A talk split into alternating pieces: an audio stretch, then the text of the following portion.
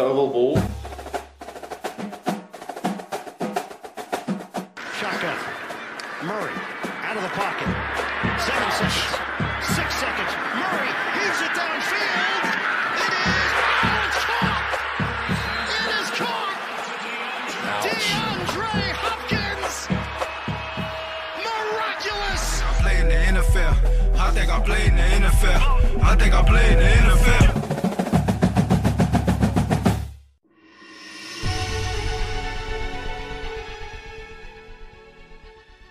Hjertelig velkommen til Oval ball. Tro det eller ei, samla i dag etter at eh, store deler av Oval ball har vært i London. Reier Mulshorder, Stian Syversen og Kenneth, hjertelig velkommen tilbake til Norge. Tusen takk. Takk, takk. I dag vi oppsummerer selvfølgelig turen til London. Vi ser på hvilke kamper og hvilke nyheter som har skjedd i NFL den siste uka. Vi må selvfølgelig innom topp tre-spalten. Litt London-inspirert eh, denne gangen.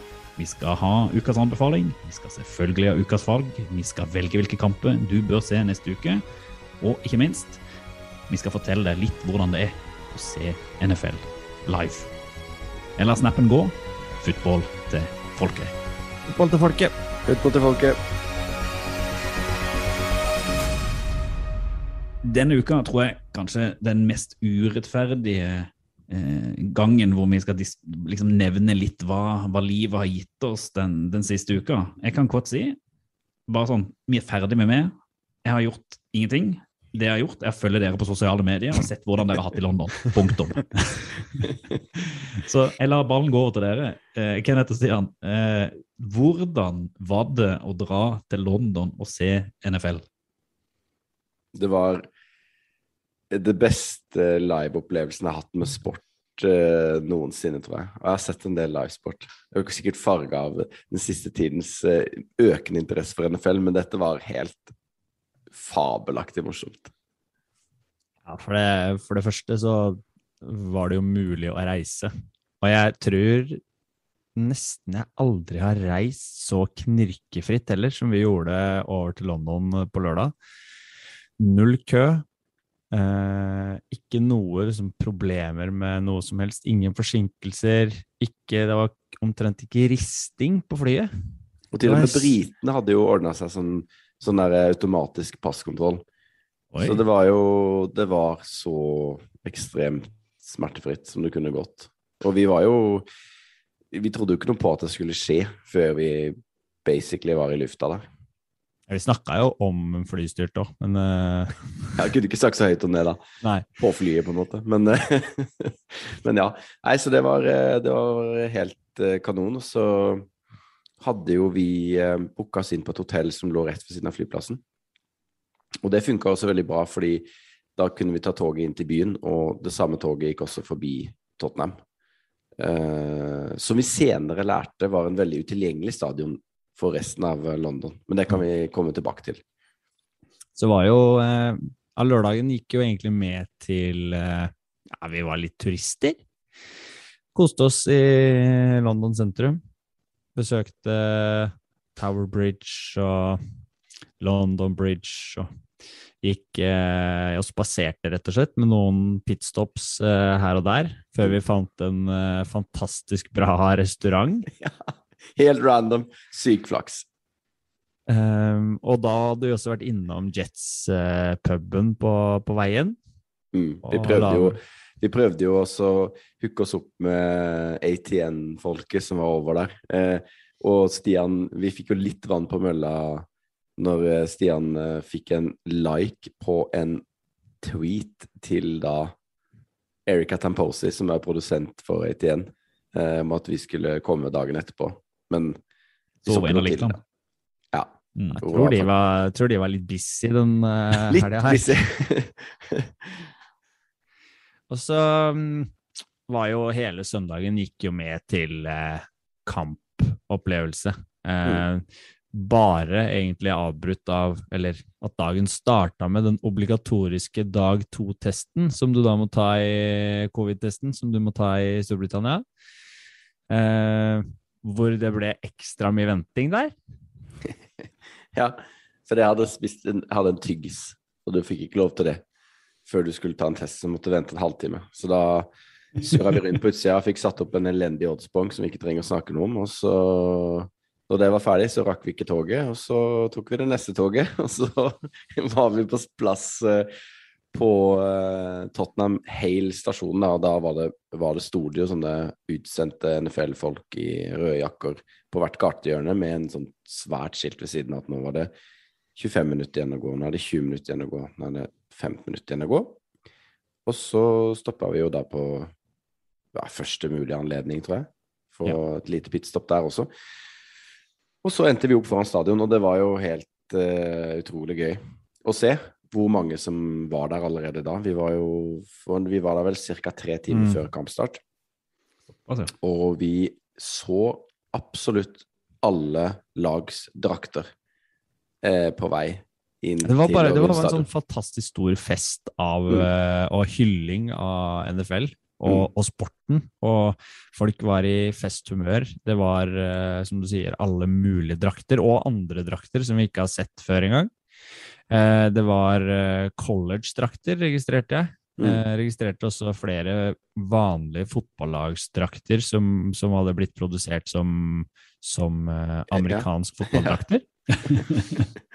Eh, og i hele tatt masse folk som var NFL-fans. da. Snakka jo med folk i køer eh, inn på Vi var jo på vei inn i den NFL-shoppen før kamp. Det var et prosjekt vi skrinla ganske raskt, for den køen var eh, altfor lang. Og heller komme oss inn på stadion tidlig for å, for å bare nyte og ta inn, ta inn stemningen. Og det viste seg jo egentlig å være den beste avgjørelsen vi, vi har tatt, for der inne koste vi oss fælt. Ja, det var, det var eh, Vi hadde jo kjøpt eh, litt sånn premiumbilletter, da, så vi, eh, vi hadde jo tilgang på på type servering som var litt enklere da, hvis man hadde sett kampen, kampen på vanlig stadionplass. Eh, og så hadde vi jo kø? kjempe, ikke noe kø, kjempeflotte plasser. og- hadde dere gratis øl? Ja. Ja, noen. I, i pausa. Ja, ok. Morsom historie av de som jobba der, da, var jo at de syntes ølen de solgte var litt for dyr. Så hvis vi gikk for å kjøpe to øl, så insisterte de bare på å eh, ta betalt for én. Hyggelig gjeng. Ja, veldig hyggelig. Mm. Generelt sett veldig hyggelig overalt. Uh, utrolig god stemning, som Stian sa i stad. Det var jo bare sånn euforisk eh, glede over å få amerikansk fotball til byen, uh, som vi opplevde. Mm.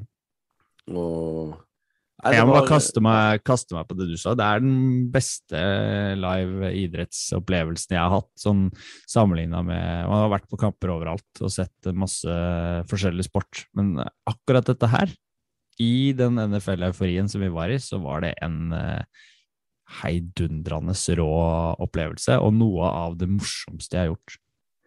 På tross av at det var en sykt dårlig kamp, egentlig, da.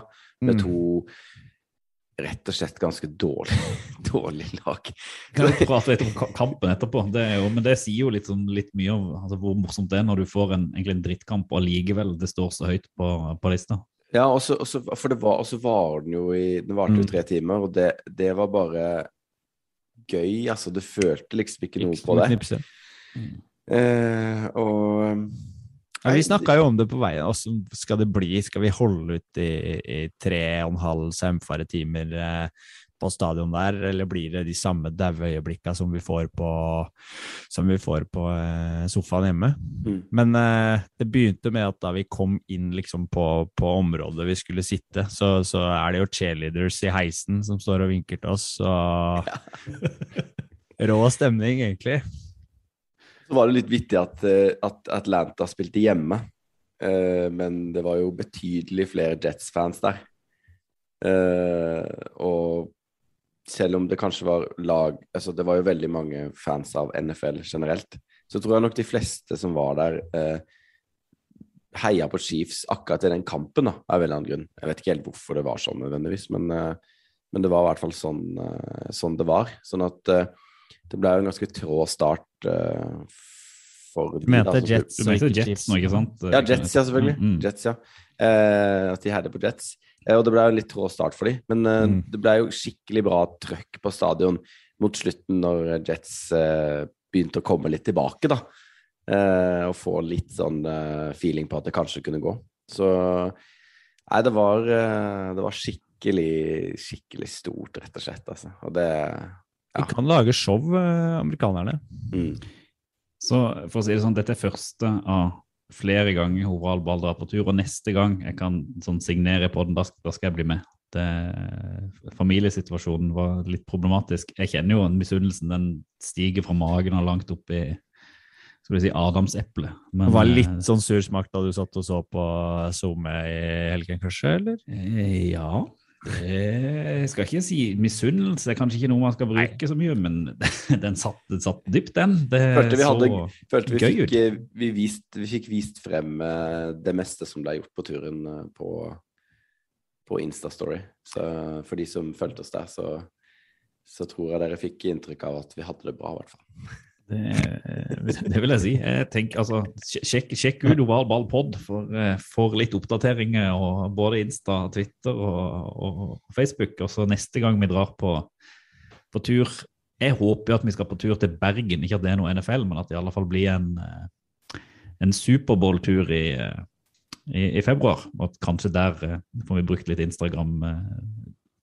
Instagram-ferdighetene deres òg. Men det, den tid, den, den glede. Nå tenker jeg vi må stupe litt inn i NFL-gryta.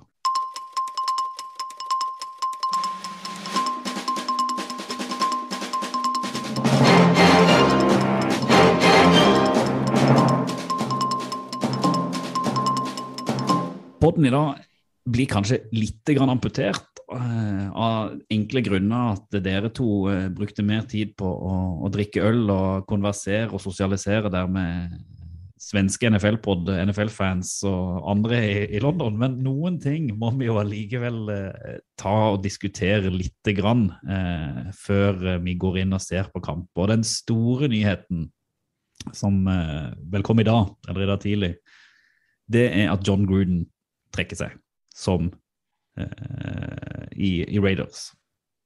Som headcoach der, ja. Mm. Mm. Det er jo Det lå nesten litt i korta etter eh, de avsløringene som har kommet eh, sånn gradvis de siste dagene. Etter at eh, det var vel i granskinga av Washington Football Team, og de hadde gått gjennom mailer og korrespondanse som hadde gått via dem, at man oppdaga korrespondanse som John Gruden hadde hatt med, med ansatte i klubben der. Og viste seg at det begynte jo med en rasistisk, eh, stygg eh, beskrivelse av en, eh, av en spiller. Og viste seg jo å være mer enn det også. Mm. Han, var jo ute Det var vel i om det var i går eller i forgårs, hvor han hadde vært ute og sagt at han hadde ikke et rasistisk fiber i kroppen, og han jobba bare for å skape team som skulle jobbe, jobbe sammen. Eh, Og så kommer denne avsløringa i, i, i etterkant. Eh, Tror du han på en måte skjøt seg litt i foten med å gå ut og være så kategorisk, og så får han dette her i, i, i fanget eh, rett etterpå? Og da er det liksom ikke noe annet valg enn å bare ta, ta hatten og gå? Vanskelig å dømme eller si hva, hva det Mm. var med han som gjorde det. Men det, han- han kan umulig ha visst kanskje omfanget av det som har blitt granska, og det man har funnet ut av. da. Mm. Nei.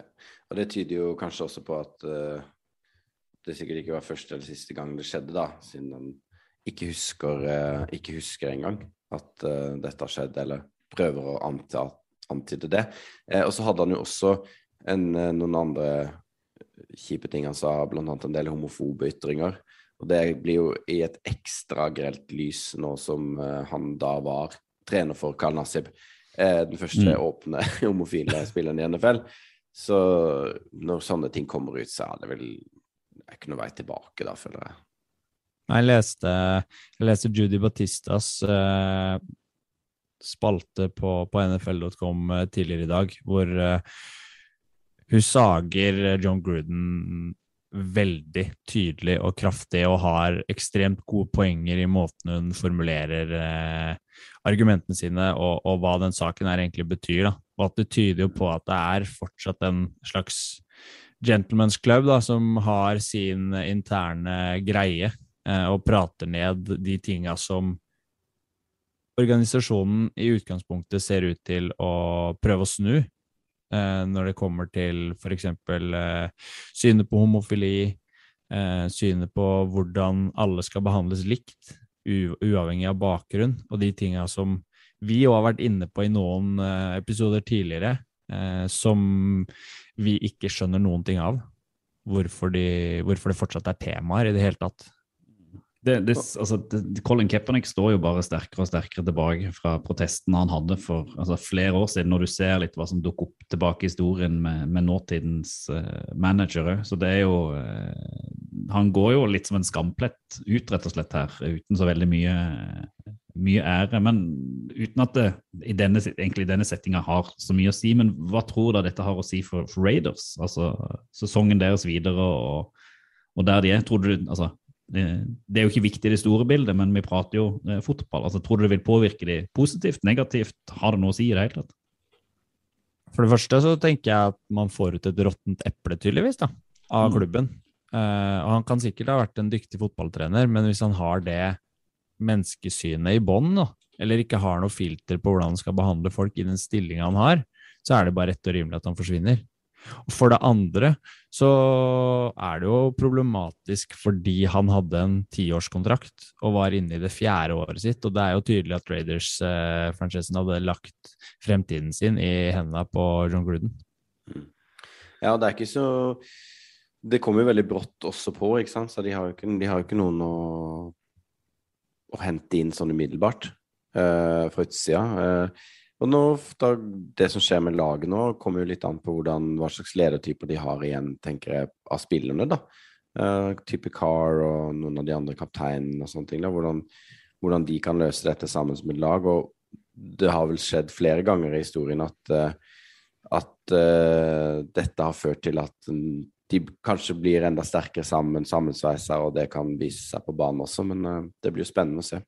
Vi har jo mm. blitt Derek Carr-fans i poden, i hvert fall Reier og, og, jeg. Så nå får vi jo etter nå to tap og så videre også, så har de jo litt å reise. Ja, er, jeg reise tenker litt grann på det også. Eh, at sesongen starta jo veldig positivt for, eh, for, Raiders. To siste kampene har endt med tap. Eh, nå sist hjemme mot et The Bears-lag, egentlig. Så, Justin Fields. Justin Fields. Ja, men det, da tenker jeg kanskje at uh, det svinger feil vei her, da. Og mm. det her er bare nok en, eh, nok en uh, indikasjon på at Raiders-laget ikke For det første ikke kanskje er så bra som, man, som det ga uttrykk for i de første matchene.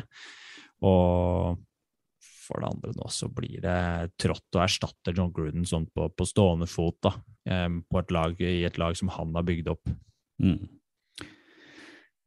Eh, før vi tar et dypdykk inn i alt som skjedde i, i, i runden, eller dypdykk og dypdykk, vi tar iallfall et dykk, så eh, må vi jo tenke, må vi prate litt om å dra på tur igjen. Fordi mm. at eh, ja, Jeg får, får ikke lande første gang, jeg. nei.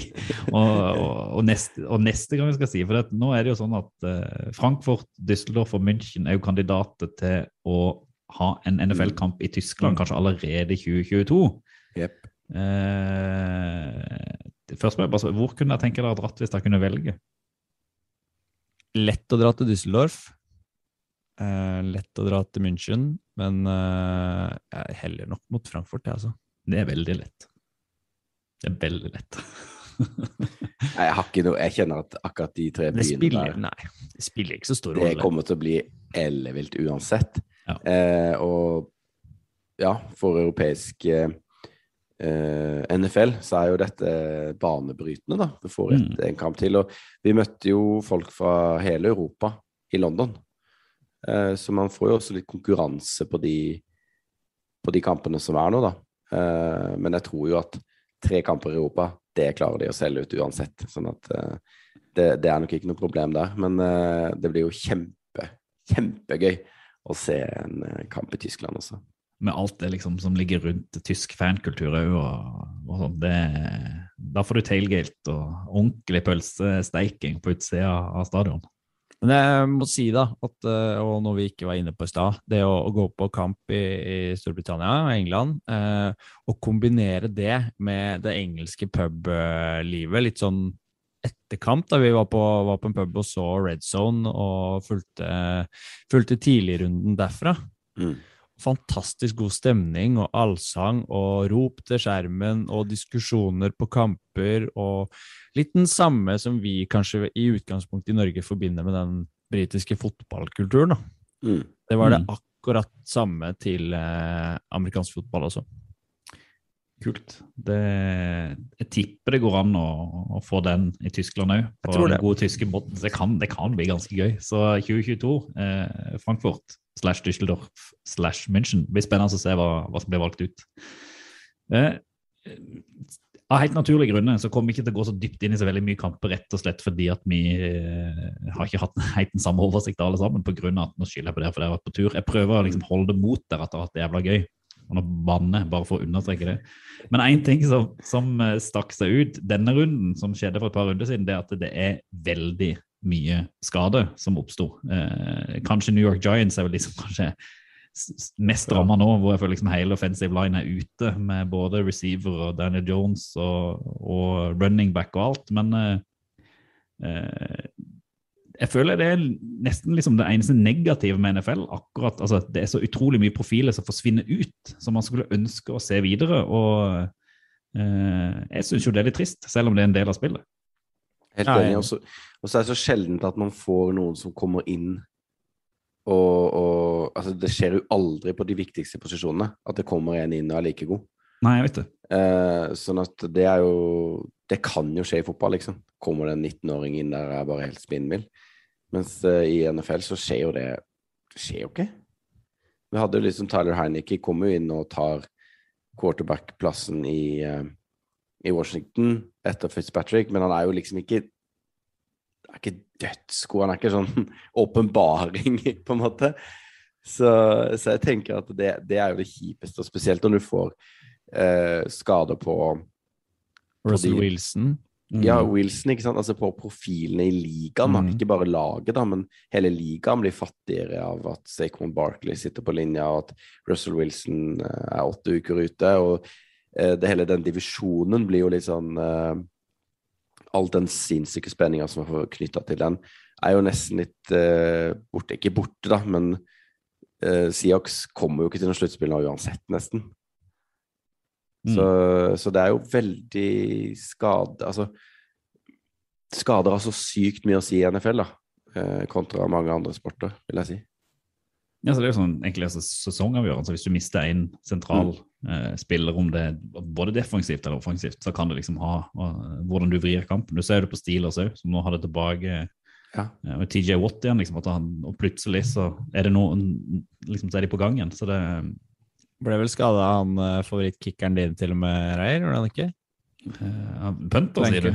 Blankenship. Eh, Ja, Blankenship. Ja, ja. men han, han, burde vel, han burde vel ikke kicke akkurat i den kampen. Men eh, nei, det er sant, det. Det er eh, synd. Ja, det er jo nå vi begynner å se de, de skadene, og nå skjer det på ganske kritiske tidspunkter og hvor det er en del som kanskje er i litt dårlig steam, som, eh, som fortsatt ikke har klart å snu helt eh, sesongen i sin, sin retning. Da. Mm. Så, så skader er avgjørende, og sporten er beinhard, altså.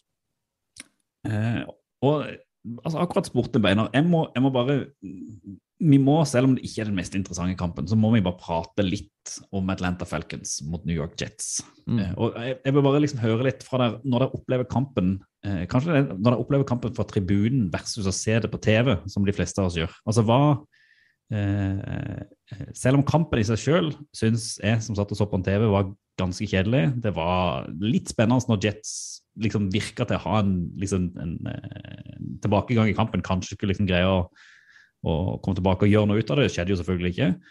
Men hvordan er det å se det? Altså, eh, live, hva, er det en forskjell? Hva, har det noen refleksjoner rundt det? Altså, jeg, jeg, jeg tenkte at Eller det som slo meg med en gang, var at jeg syns faktisk det gikk litt sånn seinere eh, in real time, da, på, på banen enn det virker som de gjør på TV. Kan ikke ha vært noe annet som spilte inn på den vurderingsevnen din der, eller? Nei, da burde det jo gått fortere, vil jeg si, da, hvis det skulle spilt inn.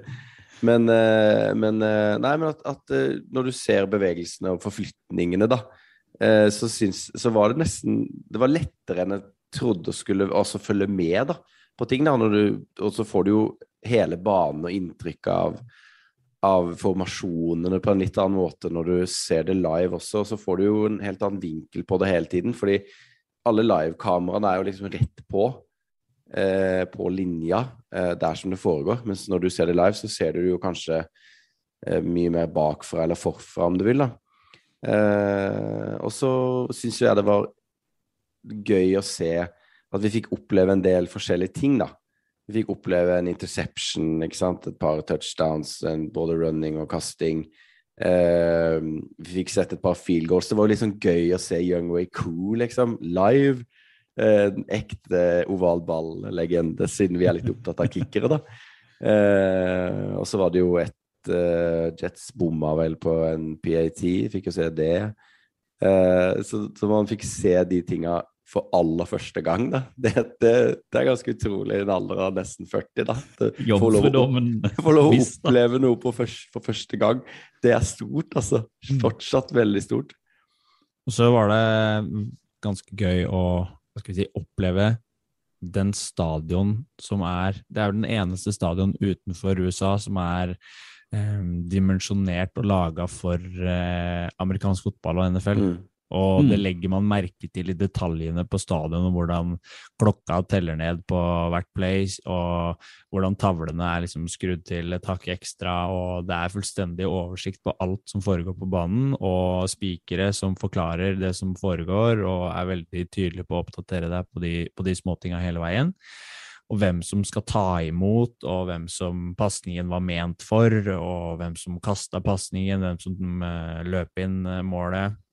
Og i hele tatt, alle de tinga er med på å holde deg oppdatert på, på det som foregår på banen. I tillegg så trodde jeg det kanskje skulle være vrient å om ikke henge med på, på liksom framdriften i spillet, så liksom helt se om OK, var det first down, var det third down, var det hvor mange yards er han på der? Eh, er de kjappe nok til å markere det? Og blir de pausene plagsomt lange imellom? Men det gikk altså knirkefritt og en fantastisk eh, stadionopplevelse. Mm. Ja, men det, så selv om egentlig kampen var en av de kjipeste kampene i eh, forrige runde, altså week five, så eh, står det igjen som et, liksom, et kjempehøydepunkt. Ja, definitivt. Absolutt. Jeg syns det var veldig gøy. Bare for å ta ett play, da, så var det jo når, eh, når eh, Wilson ble intercepta. Så kunne man jo, vi som satt på tribunen, du kunne se det på forhånd. At her, eh, dette, her kunne det skje noe, ikke sant? for han brukte så lang tid. Og du så jo receiveren løp, og han kikker på han, og da ser du safetyen eller cornerbacken eller hvem det var som dekka han. da på en måte ta det, det første steget ut akkurat idet ballen går. Sånn ah, det blir interception! Ja, det ble interception. Altså, så, er TV litt- så ser du ikke det like tydelig. Nei, du får ikke den, for da- og sånn. ja, men og så får du kanskje ikke se ja, alle Du får ikke hele inntrykket, da. Men når du sitter på tribunen, så ser du kanskje sånne ting litt uh, Litt før det skjer, da. Det er jo litt sånn uh, Det er jo litt gøy, da. Eh, For å gå litt videre, nå vet jeg at dere har, har sikkert ikke fått like dypdykk av det som dere, dere pleier å gjøre, men jeg har lyst til å trekke fram eh, tre kamper som har gått denne runden, bare for å, kanskje de tre kampene som jeg syns er liksom mest interessante å prate om. Og da tar jeg én kamp som gikk fra altså ikke tidlig, men i hvert fall litt tidlig, eh, og det er jo altså nesten åpenbart Los Angeles eh, Chargers mot Cleveland Browns, som ble like hurra meg rundt som vi hadde håpa på. Eh, 47-42 eller noe sånt det, eh, det endte med. Eh, og er det én person som kanskje nå virkelig utfordrer vår helt Kyler Murray som MVP, så er det jo Herbert nå i, i Chargers. For nå begynner det å ligne noe ordentlig der, der framme. Forsvaret var ikke på jobb der. Det Nei, var skrudd av. Det var altså begge steder. Det var på totalt avskudd. Ingen forsvar på jobb. Men det var jo det var jo først i fjerde quarter at det tok helt fullstendig bananas av gårde, da.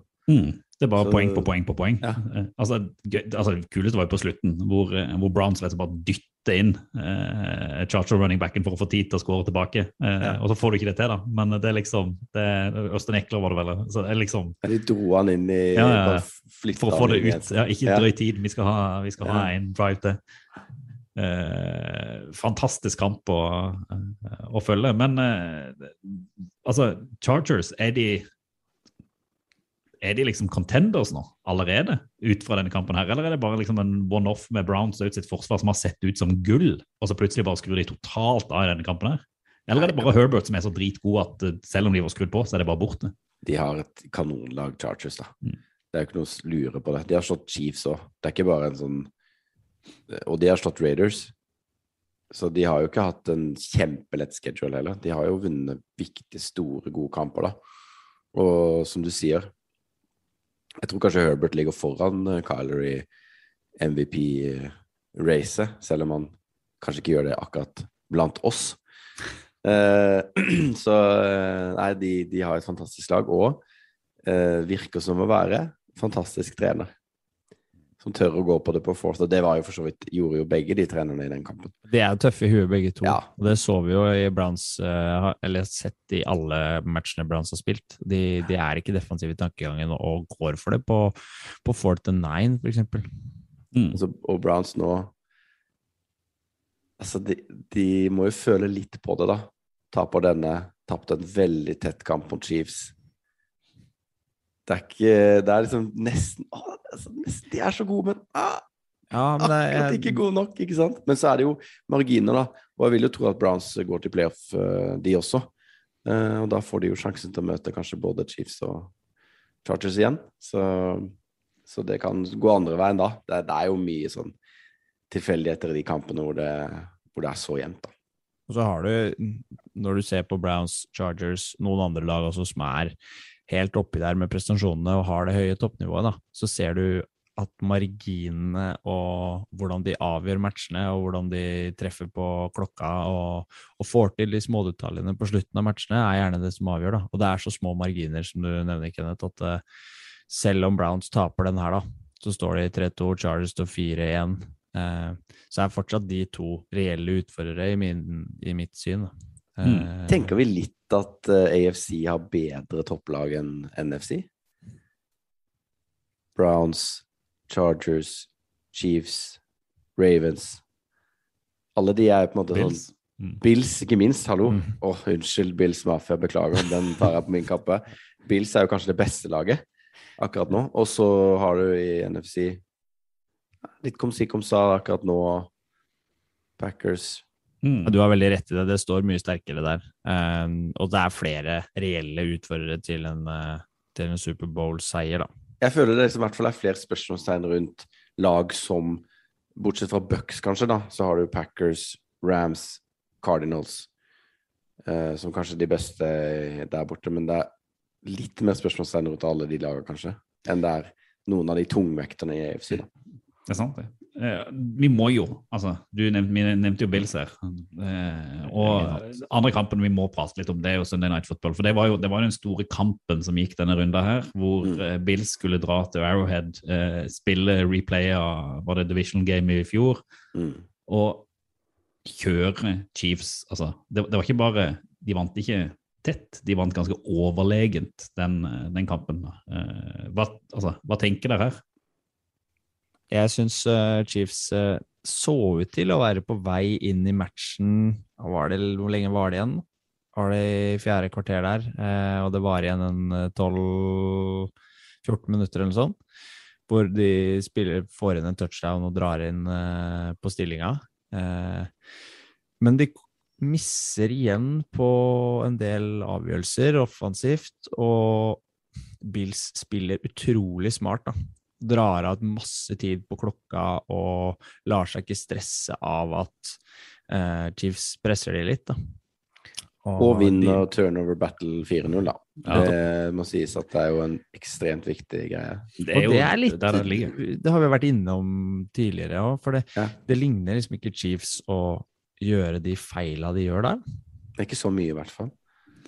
Nei, jeg, jeg må jo bare fortelle litt. For jeg, som dere vet, jeg har jo en, en liten kar som har tendens til å våkne litt tidlig. Så jeg våkna jo på, på mandag morgen med han sånn kvart over fem eller noe. Og så er det jo liksom det første man gjør som litt NFL-fans, er jo inn på telefonen og så sjekke ok, åssen gikk Sunday Night Football.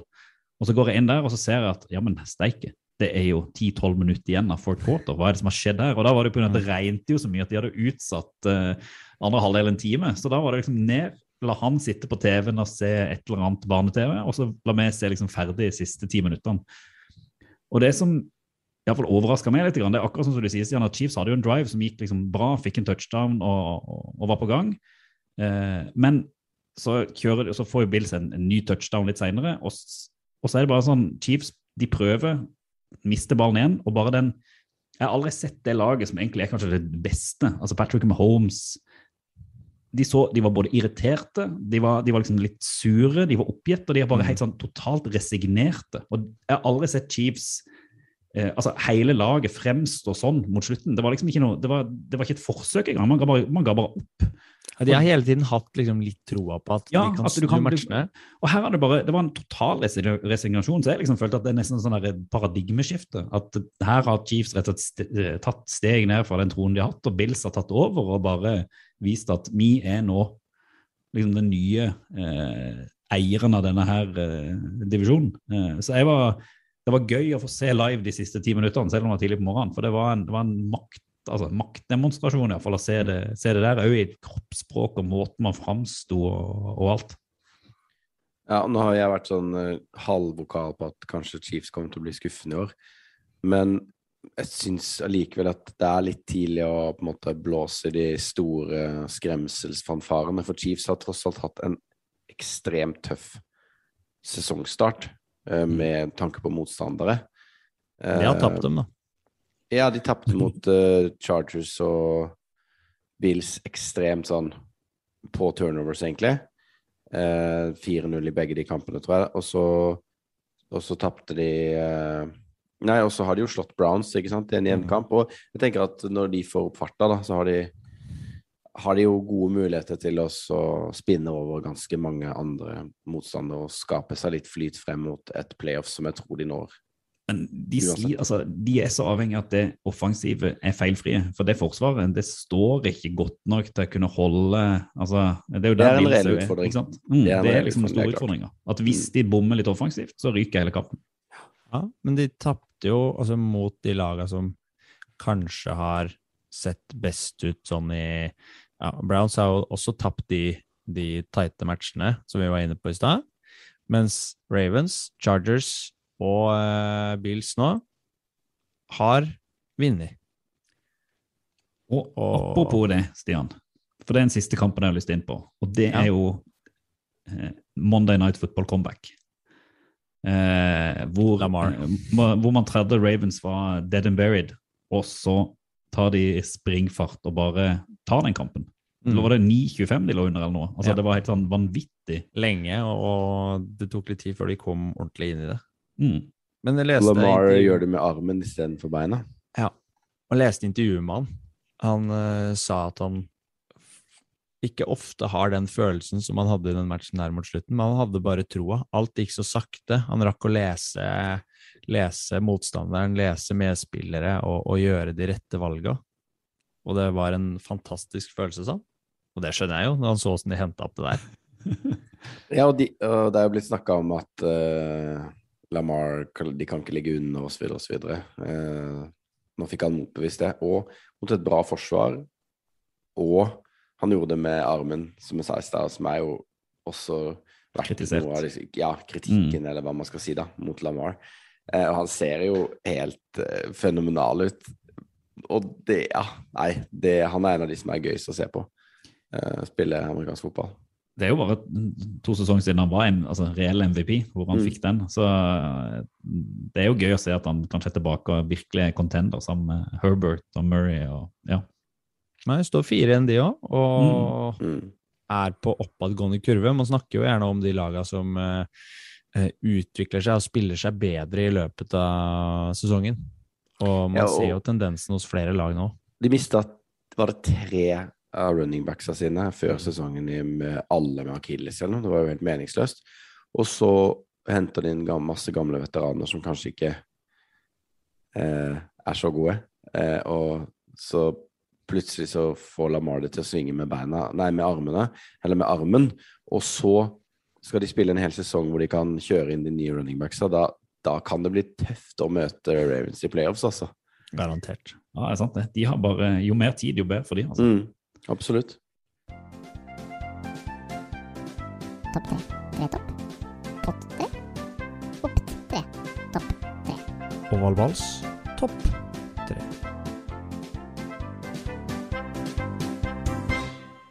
Denne gangen i Ovalballs Oval Balls eh, topp tre-spalte så har vi gjort lite grann om på den. Vi har eh, delt et ansvar.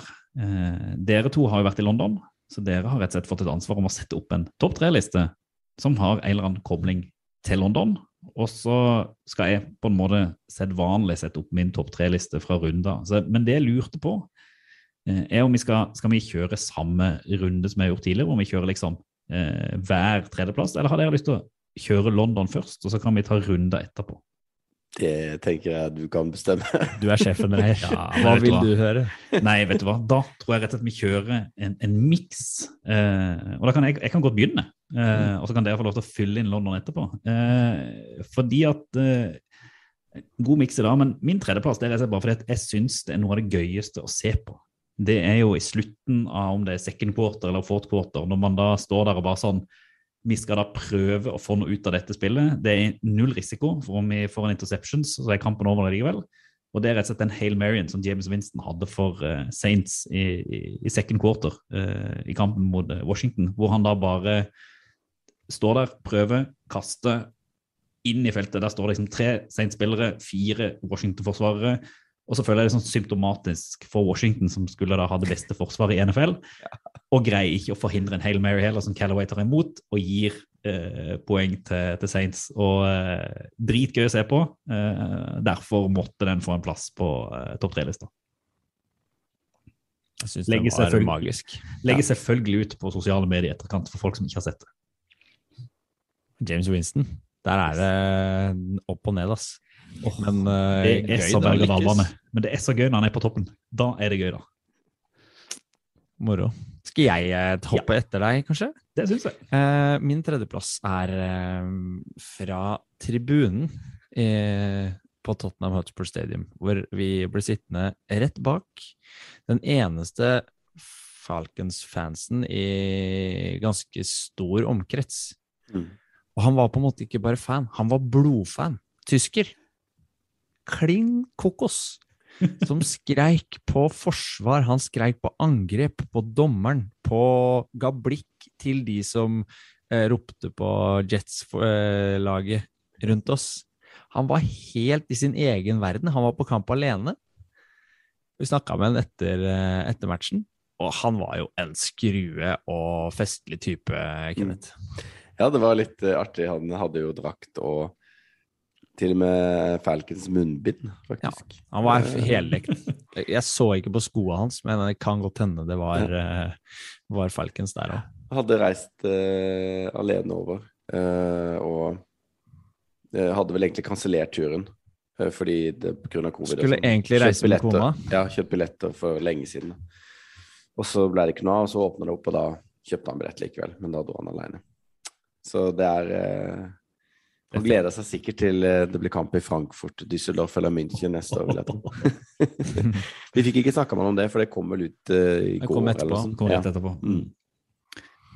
Så apropos tribune og hyggelige passiarer, så, så min nummer tre er også Det er jo litt fra etterkampen, egentlig, men da ble vi sittende inne og se litt på Red Zone der før vi, før vi dro fra stadion, eh, og hadde en øl med en eldre skotte, faktisk, som hadde med seg sin sønn eh, på kamp, og som eh, hadde jo ja, virka som hadde fulgt NFL kjempelenge, da, eh, og var en veldig sånn kul og åpen fyr som lurte på hva vi, hvordan, hva vi drev med, og at vi kom fra Norge. Og, ja, nei, det var skikkelig Det var, var liksom veldig lett å komme i kontakt med andre, apropos det Stian snakka om i stad, med kulturen i England og pubkulturen og sportskultur, rett og slett. da.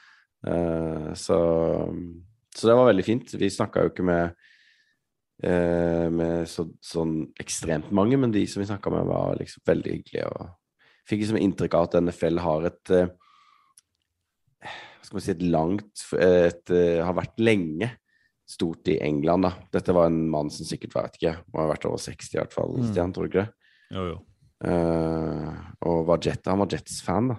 Mm. Jeg hadde jo sikkert eh, hadde jo holdt med de lenge og sånn, så Så det er kult, eh, det er kult også, også å møte de som på en måte altså at, at NFL er i England, er jo litt rart i seg selv. Men når, når vi var der nå, så får man jo på en måte bekreftet at det er helt riktig. For det var bare så sykt bra stemning, helt fullt, masse folk. Alle var blide og fornøyde. Selv han var jo blid og glad, han òg, selv om Jets tapte. Fordi bare det å kunne se en kamp i sitt eget land, sin egen, der du bor, på en måte er eh, stort, da. Kult. Eh, Jeg må jo hoppe tilbake i runden, da. og Det er jo litt sånn fordi at Det er både fordi at jeg har litt vondt og, og syns det, er- en god historie, men jeg, jeg prata jo her eh, Det var to runder siden hvor jeg hylla Justin Tucker fordi at han sparka dette ny NFL-rekord eh, fra når han sparka field goalet sitt mot eh, Detroit Lions. Eh, og igjen så er det jo Detroit Lions som da er inne og står på min andreplass. For jeg satt jo da og fulgte, fulgte Red Zone, og igjen så er Detroit Lions fryktelig dårlig. Altså, De var helt ute, lå langt unna mot, mot Vikings, og så får de liksom sånn comeback-feel på slutten, eh, fjerde kvarter. Eh, får seg en field goal, og så greier de å gå fram og til og med får seg en touchdown. Og så er de så tøffe i hodet. og Jeg, det var sånn, jeg satt og liksom applauderte istedenfor da bare utligne, satse på overtime. Det var vel bare 30 sekunder igjen eller noe av kampen. Så vet du hva, denne her kampen, denne skal vi vinne. Så de går for to poeng conversion, og så lykkes de pokker med. Og så er det 17-16, så er det vel 30 sekunder igjen av kampen. Eh, Vikings har ikke timeouts, skal starte bak på 25. Men så har du da en Kurt Cousins som da er såpass oppadgående at han greier å kaste ballen såpass langt fram at Vikings òg får muligheten til en field goal eh, for mer enn eh, 50 yards. Og selvfølgelig så taper Lions denne gangen òg med en field goal over 50 yards eh, helt til sluttminuttene. Og det er vel det første laget i NFL-historien som har tapt på et field goal fra over 50 yards, altså game-winning, mer enn én gang i løpet av en sesong. Altså det er helt sånn syke stats. Og da var det jo eh, Dan Campbell som da i liksom pressekonferansen begynte å grine. Eh, for jeg, jeg, jeg forstår det jo så godt. Her har du jobba hele sesongen, du har bygga lag, du har liksom lagd plays. Alt er lagt. Og så er det det der lille som skjer, ikke bare én gang, men to ganger hvor du liksom du er på brink. Og her òg, her har de tatt ledelsen. Så min andreplass er rett bare sånn Jeg har Jeg liker jo ikke Detroit Lions, men jeg, jeg får litt vondt av de, rett og slett. For det, det er liksom det er, ikke, det er ikke bare uflaks heller, altså. Det, ja, det her er et eller annet eh, som eh, noen har imot Lions når det skjer gang på gang. Ja, men en fin oppreisning for Vikings eh, å få inn den, da, etter den de missa på mot eh, Cardinals, egentlig. det er sant, i det minste. Eh, min andreplass er egentlig dedikert eh, Carl Pitts. Det kan vel vi kalle Atlanta Falcons mot New York Jets for hans definitive gjennombrudd i NFL. Med første touchdown eh, catch, og spilte en veldig solid eh, match. Og var vel en av de fargeklattene, mener jeg, fra, fra matchen. Eh, Matt Ryan klarte seg bra. Eh, Samme gjorde Coraldell Patterson. Patterson, var Ja, mye var favoritt. god. Veldig god. Eh, og Carl Pitts var kanskje banens beste i mine, mine øyne. Og Fra- hadde Ja. Fra TV-øyne så er jeg helt enig. Ja, og så var han um, Det er også litt gøy for oss, for det var jo en ting som vi gjorde nå. Vi fikk se Kyle Pitts sin første touchdown live. Det kan vi alltid ha med oss, Stian, når han går inn i Hall of Fame, og vi bare kan si at den så vi live. Den aller første touchdown til Kyle Pitts. Og nå skjønner vi hvorfor han ble hausa så mye i draften. For det Mm. var et uh, monster han spiller, altså. Definitivt. En som ikke så bra ut, og som ikke ser bra ut, er jo Wilson. Uh, han har jo hatt uh, Ja, han hadde en bra kamp som ikke kanskje var så bra, egentlig, sånn sett kampen som helhet, men han, han gjorde noen bra greier mot, uh, mot Titans, mens uh, her uh, i i London så så han ganske lost ut. Og jeg vet ikke, jeg syns det er veldig lite snakk om at han har en veldig uerfaren playcaller også. Han lillebror LeFleur, han heter vel Mike, gjør han ikke det? Han er jo i sin første koordinatorrolle, da, eller offensive koordinatorrolle, og, og Wilson er jo ikke bare en rookie, men en rookie fra en liten skole osv., alt det der vi snakka om i draften. da.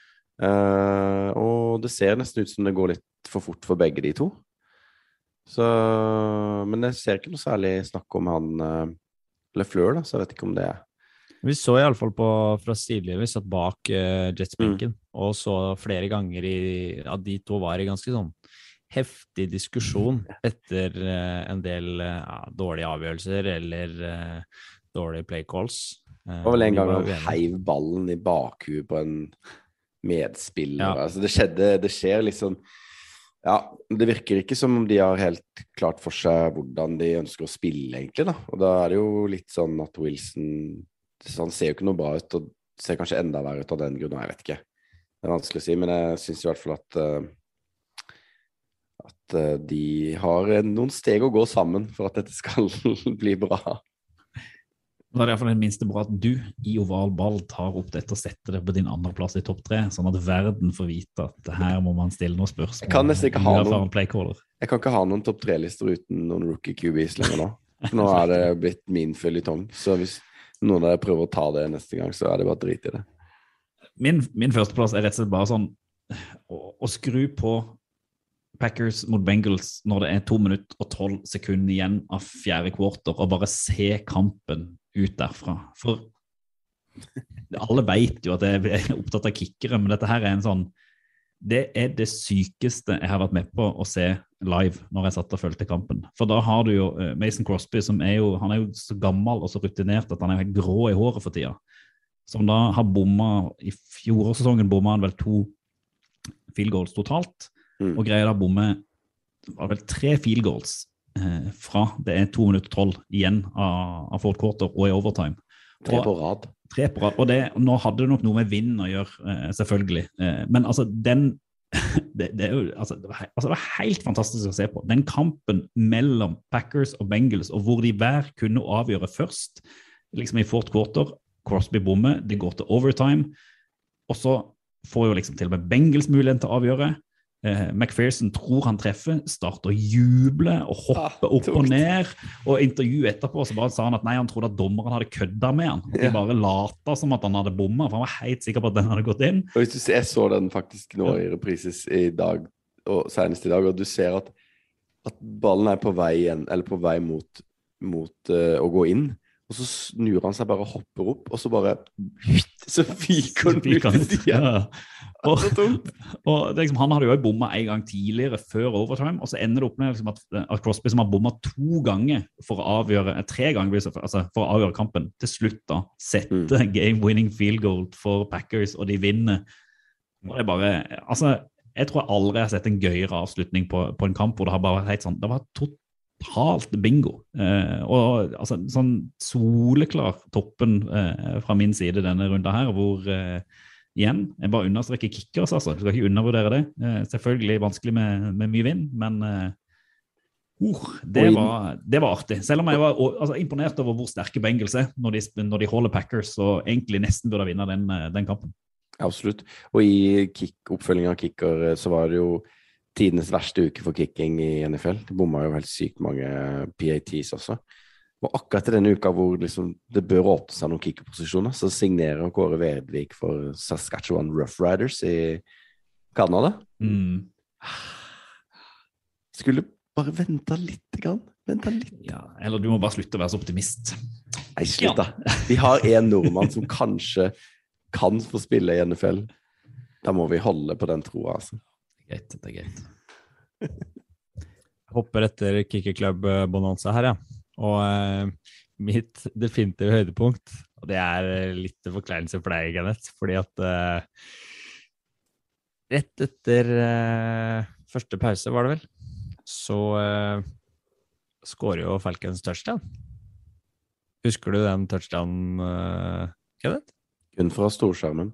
Ja, for da hadde du gått for å kjøpe noe.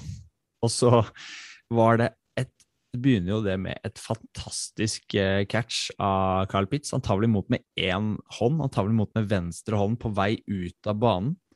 eh, som setter opp den driven, og så får de en eh, får Jets en straff og et flagg der, og det blir flytta ned, og Hurst løper vel inn den eh, touchdownen til slutt. Men det var altså Det skjedde så fort.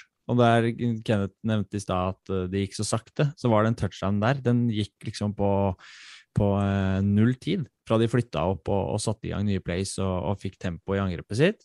Så var ikke du der heller til å oppleve den, eh, Kenneth. Altså, de var veldig hyggelige, de som jobba på stadion, men det gikk ikke så fort å ta pøl. Nei. beklageligvis. Men eh, mitt, eh, mitt, eh, min nummer én som jeg fikk med meg, Også- det var jo nasjonalsangene. Eh, og da tenker jeg litt på Fordi eh, Englands, eller Storbritannia sin nasjonalsang, den ble sunget fra banen. Eh, midt på banen. En, dame som sang Veldig fint, eh, ikke sant? Ja, ja, veldig fint. Og det var ikke noe å si på det. Og så var det tid for den amerikanske nasjonalsangen rett etterpå. Og hun som sang den, hun sto selvfølgelig på taket av stadion. Fordi eh, da, da fikk jeg liksom sånn Tenkte jeg tilbake på På um, Love Actually, faktisk. Favorittfilmen? med, ja, favorittfilmen, som vi snart skal se, selvfølgelig, i og med at det er jul. Um, hvor da Hugh Grant uh, blir litt sånn dårlig behandla av den amerikanske presidenten, og Storbritannia lillebror, USA storebror, som vil det alltid være. Så følte jeg litt på det uh, da. At liksom, ja, hvis Englands nasjonal, Storbritannias nasjonalsang skal synges der, så må vi på en måte Vår må synges fra taket. Eh, og akkurat eh, helt på slutten av sangen så kommer det fire jagerfly over banen. Og det kommer sånn der røyk i? Rødt, hvitt og blått. Og det totale bonanza. Nasjonalsang-bonanza. Eh, så det er utrolig Da ble jeg helt sjokkert Ja, over vi skvatt rimelig greit når de, når de flya kom. over. Og først så blir man jo at ok, den amerikanske nasjonalsangen skal synges. Ja, hvor står hun som er synger? Og Kenneth Ja. bare Hun står på taket. Og vi hadde vel en ganske lang story på den, tror jeg. Det Og da fikk vi, fikk vi med eh, de jagerflyene òg. Du ser at kameraet hopper når jagerflyene kommer, for der ble jo redd. Hva skjedde der? Men du kunne ikke høre dem før de var rett over. Så det bare Nei, altså, det var eh, eh, Som Stian sa i stad, de er gode på å lage show, eh, amerikanerne. Så det kommer jo også til syne her i London. Khalif Raymond from the 30. Flag is down. And Raymond has run out of bounds. Another flag comes in at the 32. There are six flags on the field. Det er ei ny uke. Vi har en ny regel, men som alltid har vi med samme svenske. Hjertelig velkommen, Pontus. Takk, takk. I dag tenkte vi at vi skulle prate om regelen slash flagget illegal forward pass. Eh, men jeg lurte liksom aller først på er det bare quarterbacken som har lov til å kaste ballen? Eh, nei, det korte spørsmålet på det. Egentlig så har alle lov å kaste bollen. Og eh, du kan faktisk gjøre flere pass under ett og samme spill. Eh, men de har egentlig bare lov å kaste framåt en gang. Så da er det første da forward pass. Hva er en forward pass? Og en forward pass er når quarterbacken eh, begynner å kaste bollen og den starter med å gå framover og lander på en punkt som er lengre fram mot motstanderens mållinje enn han selv, eh, eller det bollen blir kastet fra. Eh, og det kan hvem som, som helst eh, som har lov å ha bollen gjøre, faktisk. Så det er ikke bare quarterbacken som kan gjøre det. Men da kan du da holde på å gjøre laterals, altså eh, kaste sideveis, eh, eller backwards pass. Det kan de gjøre hvor mye de vil. Eh, og det ser man gjerne i slutet på spill da, når noen måste score og och du er veldig langt unna og så kastar de til en, en spiller langt fram og så tar han den og så kommer det masse personer som skal takle han og så kastar han den bak till någon av sina egna spelare. Det blir lite sån rugbyspill då. Mm. Så du kan göra flera stycken eh, passes under ett och samma spill, men det är bara en forward pass som är lov. Så för att få en, en eh, illegal forward pass Flagget flagga kastad på sig då, så, så är ju det det första. Och du ser om det är the second forward pass uh, i ett spill så är inte det lov. det är illegal. Da var vi inne på et vi var inne på et Ja. supert eksempel nesten på det da vi snakka om The Music City Miracle her for, eh, for noen uker tilbake. For der var jo eh, avgjørelsen i den eh, Titans-matchen var jo den som ble sjekka ut og, og gått gjennom av, eh, av dommeren, som eh, så at den pasningen gikk eh, bare sideveis og ikke framover. Så da fikk spillet, spillet gå. Så den kan man lese om mer og sjekke ut på, på nettsidene våre hvis man vil. da. Så har man et godt eksempel på det. Jag har, jeg har faktisk et annet eksempel på det òg. Og det er Tom Brady sin siste seriekamp med Patriots. Når de spilte mot Miami Dolphins. Eh, der eller så var det faktisk året innan mot Dolphins, det husker jeg ikke riktig. Men der hadde du når Patriots nesten hadde vunnet, og sen så gjorde du eh, eh, Dolphins og det tror jeg var The Magic Beard himself eh, som kasta första eh, passen. Og der hadde de masse med laterals da, innan de faktisk løp inn hele veien inn til touchdown og vann den kampen, Hvilket gjorde at Patriots tappet eh, sin second seed og eh, bye weekend i slutspelet. Ja, den husker jeg. Det husker jeg. Da tror jeg satt og så og hylte, for det var liksom det villeste. eh, For der, var det, der fikk du et spill hele veien. Det, det, Mm, når ja. du sier det. Det, bare, det, det glimter tilbake hvor fantastisk det var, akkurat det playet. Her skal det googles tilbake når vi er, når vi er ferdig.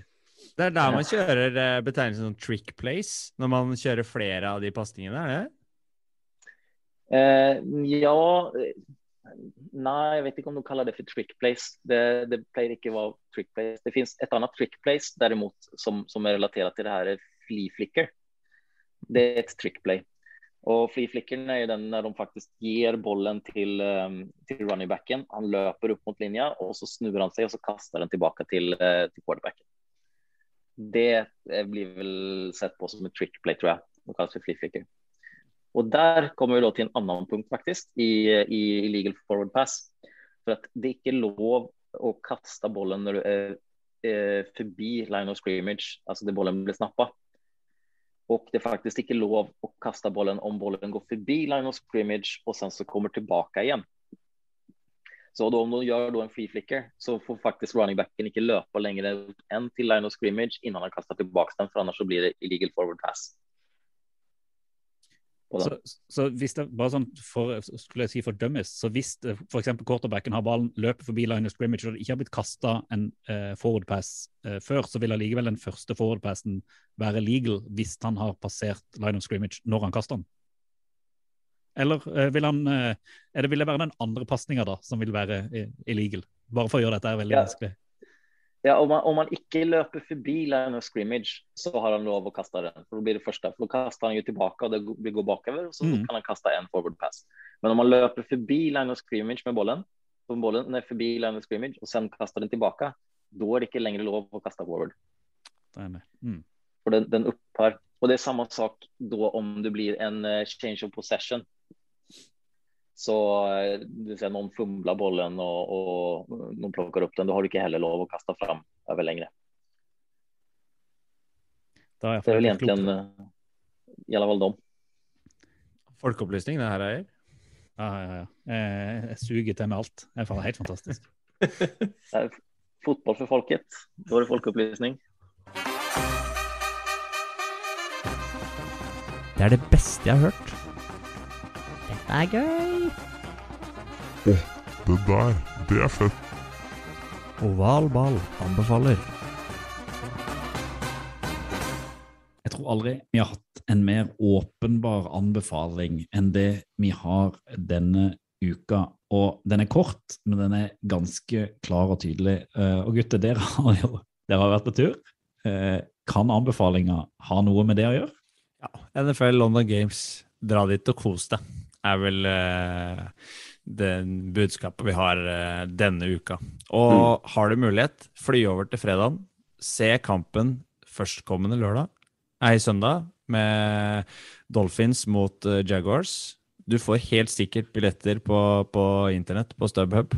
Eh, Eller det. via GoGo. Ja, eller så har Ticketmaster alltid billetter igjen, tipper jeg.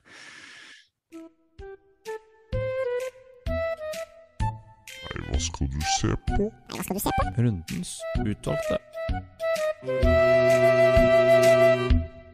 Vi har eh, som alltid tatt på oss eh, forstørrelsesglassene og prøvd å zoome inn på den kampen vi mener dere bør se neste runde. Og vi skal ikke nevne så veldig mye om hvilke kamper som ble nevnt sist, for var det, jeg mente jo at man skulle se Falcon Jets, og det var jo var gøy å se, men det var ikke akkurat noen høydere. Eh, men Stian, du eh, skal få lov, litt sånn på impulsiv, eh, i teten her, for nå har vi ikke diskutert eh, rett og slett på forhånd hvilke kamper. Hvilken kamp av de som går i week 6 mener du er den viktigste, beste, kuleste eller rareste kampen folket bør få med seg? Det er én som skiller seg veldig ut for min del, og den går tidlig søndag. Det er Chargers mot Ravens. To lag i kalasform. Eh, virkelig på oppadgående formkurve, og to quarterbacker som er skadefrie. Og en Lamar Jackson som kan kaste ball. Justin Herbert vet vi kan kaste ball. Så her har vi jo to quarterbacker i MVP contention. To offensive trenere som gir eh, quarterbackene sine mye ball, mye ansvar. Og jeg tror vi får fantastisk offensiv eh, fotball fra begge lag i eh, den søndagsmatchen. Den går tidlig òg, så den blir jo fin å følge på, på Red Zone. Får vi, får vi en 50-50-kamp her? Altså over 50 på begge to? Nei, det gjør Nei, vi ikke. det tror jeg ikke. Men det som er gøy med den kampen, og som Stian sier, at den går tidlig. Og da, for første gang så på kjempelenge, kan ikke huske sist, vurderer jeg faktisk å bare ha Red Zone på sida, og så faktisk se Mm. den kampen. Det er sjelden vi får en sånn uh, rakkere økere klokka sju. Så Mm, det er sant det. greit å kanskje kunne se hele. Chargers vinner, da. Det tror jeg òg. Ja, da går jeg for Ravens. Mitt valg eh, kommer litt senere på søndagen. Eh, litt fordi at jeg syns det Vi har prat, vi prata litt om Browns som har hele tida vært nesten der. Eh, og nå skal de opp mot eh, the perfect team i fotball, Arizona Cardinals, som har på en måte De har en perfect record, men de har liksom ikke De har vært overbevisende kanskje én kamp som Rams, ellers har det vært sånn. Det har vært OK, men de har vunnet. Og jeg er veldig spent på å se hvis Browns greier å skru på det forsvaret vi vet de har eh, mot det angrepet til, til Cardinals. Og så så vi jo i forrige runde at Browns kan òg, med Nick Chubb og, og gjengen, òg skape en del ting, ting framover. Så jeg er utrolig spent på om Browns endelig greier å vri denne kampen til sin fordel. De spiller jo hjemme, har publikum i ryggen. Eh, eller om Cardinals fortsetter den eh, striken de har, og Kyler Murray bare dundrer på og holder på MVP-hatten. Eh, jeg holder vel Cardinals som favoritt, men jeg, jeg mener, syns denne her er ganske vidåpen.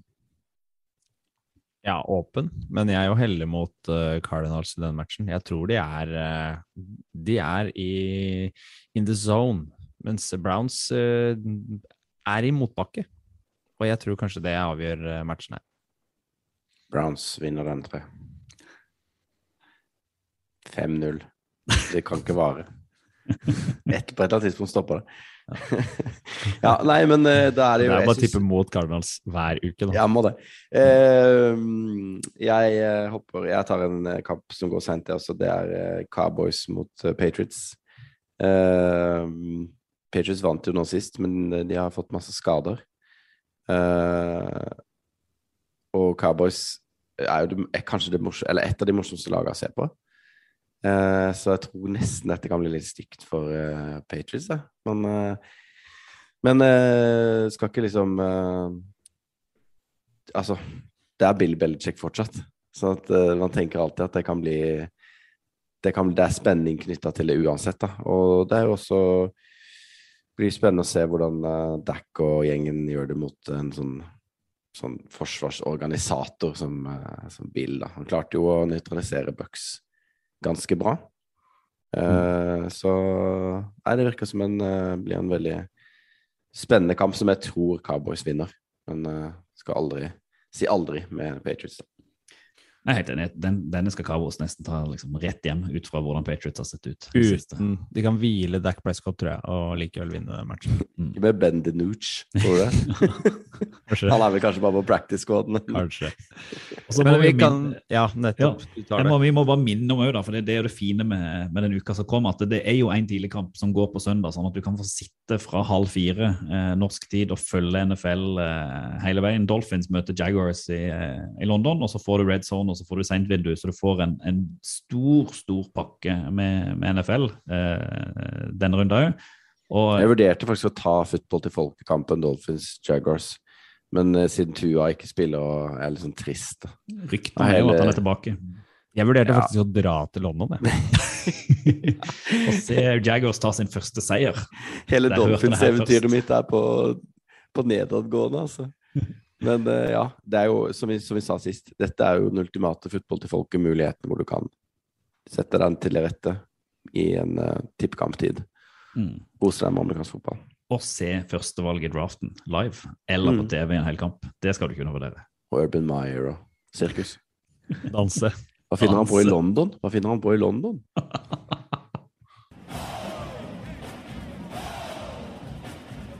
På valgbanen. Fotball til folket. Dagens eh, pod har kommet til en ende, og den har jo vært fylt med London og tur av helt naturlige årsaker. Og sånn helt før vi, vi gir oss, har, har dere Dere har landa fysisk, men har dere landa mentalt? Nei. Nei, på ingen måte.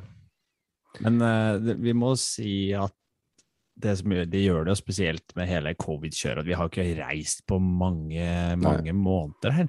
Så man blir jo litt ekstra euforisk av det. Det er ikke bare NFL-følelsen, bare det, men bare det å komme seg ut av landet og eh, se litt nytt igjen. Mm. Og få lov å se fotball. Football live. Det var stort, altså. Du skulle prøvd det, Reir.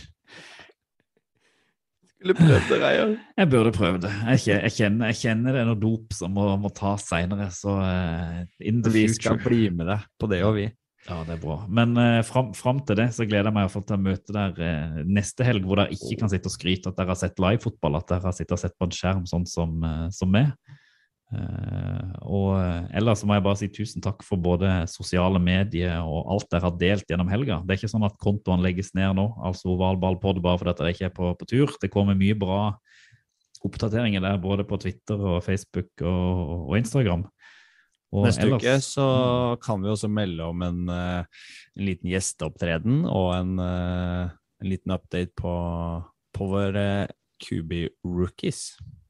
Mm. Så det er en god tease. Men da har jeg egentlig bare lyst til å si takk for at dere er tilbake i Jeg vet ikke om dere er tilbake i god form, men dere er iallfall tilbake i Norge. Takk, takk for i dag. Og uh, football så til folket. Football til folket. Football til folket. Do the Titans have a miracle left in them in what has been a magical season to this point? If they do, they need it now. Christie kicks it high and short. Going to be fielded by Lorenzo Neal at the 25. Yeah, give it it, back to Wycheck.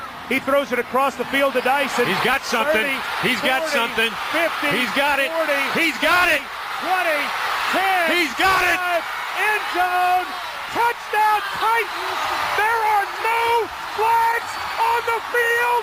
It's a miracle. Tennessee has pulled them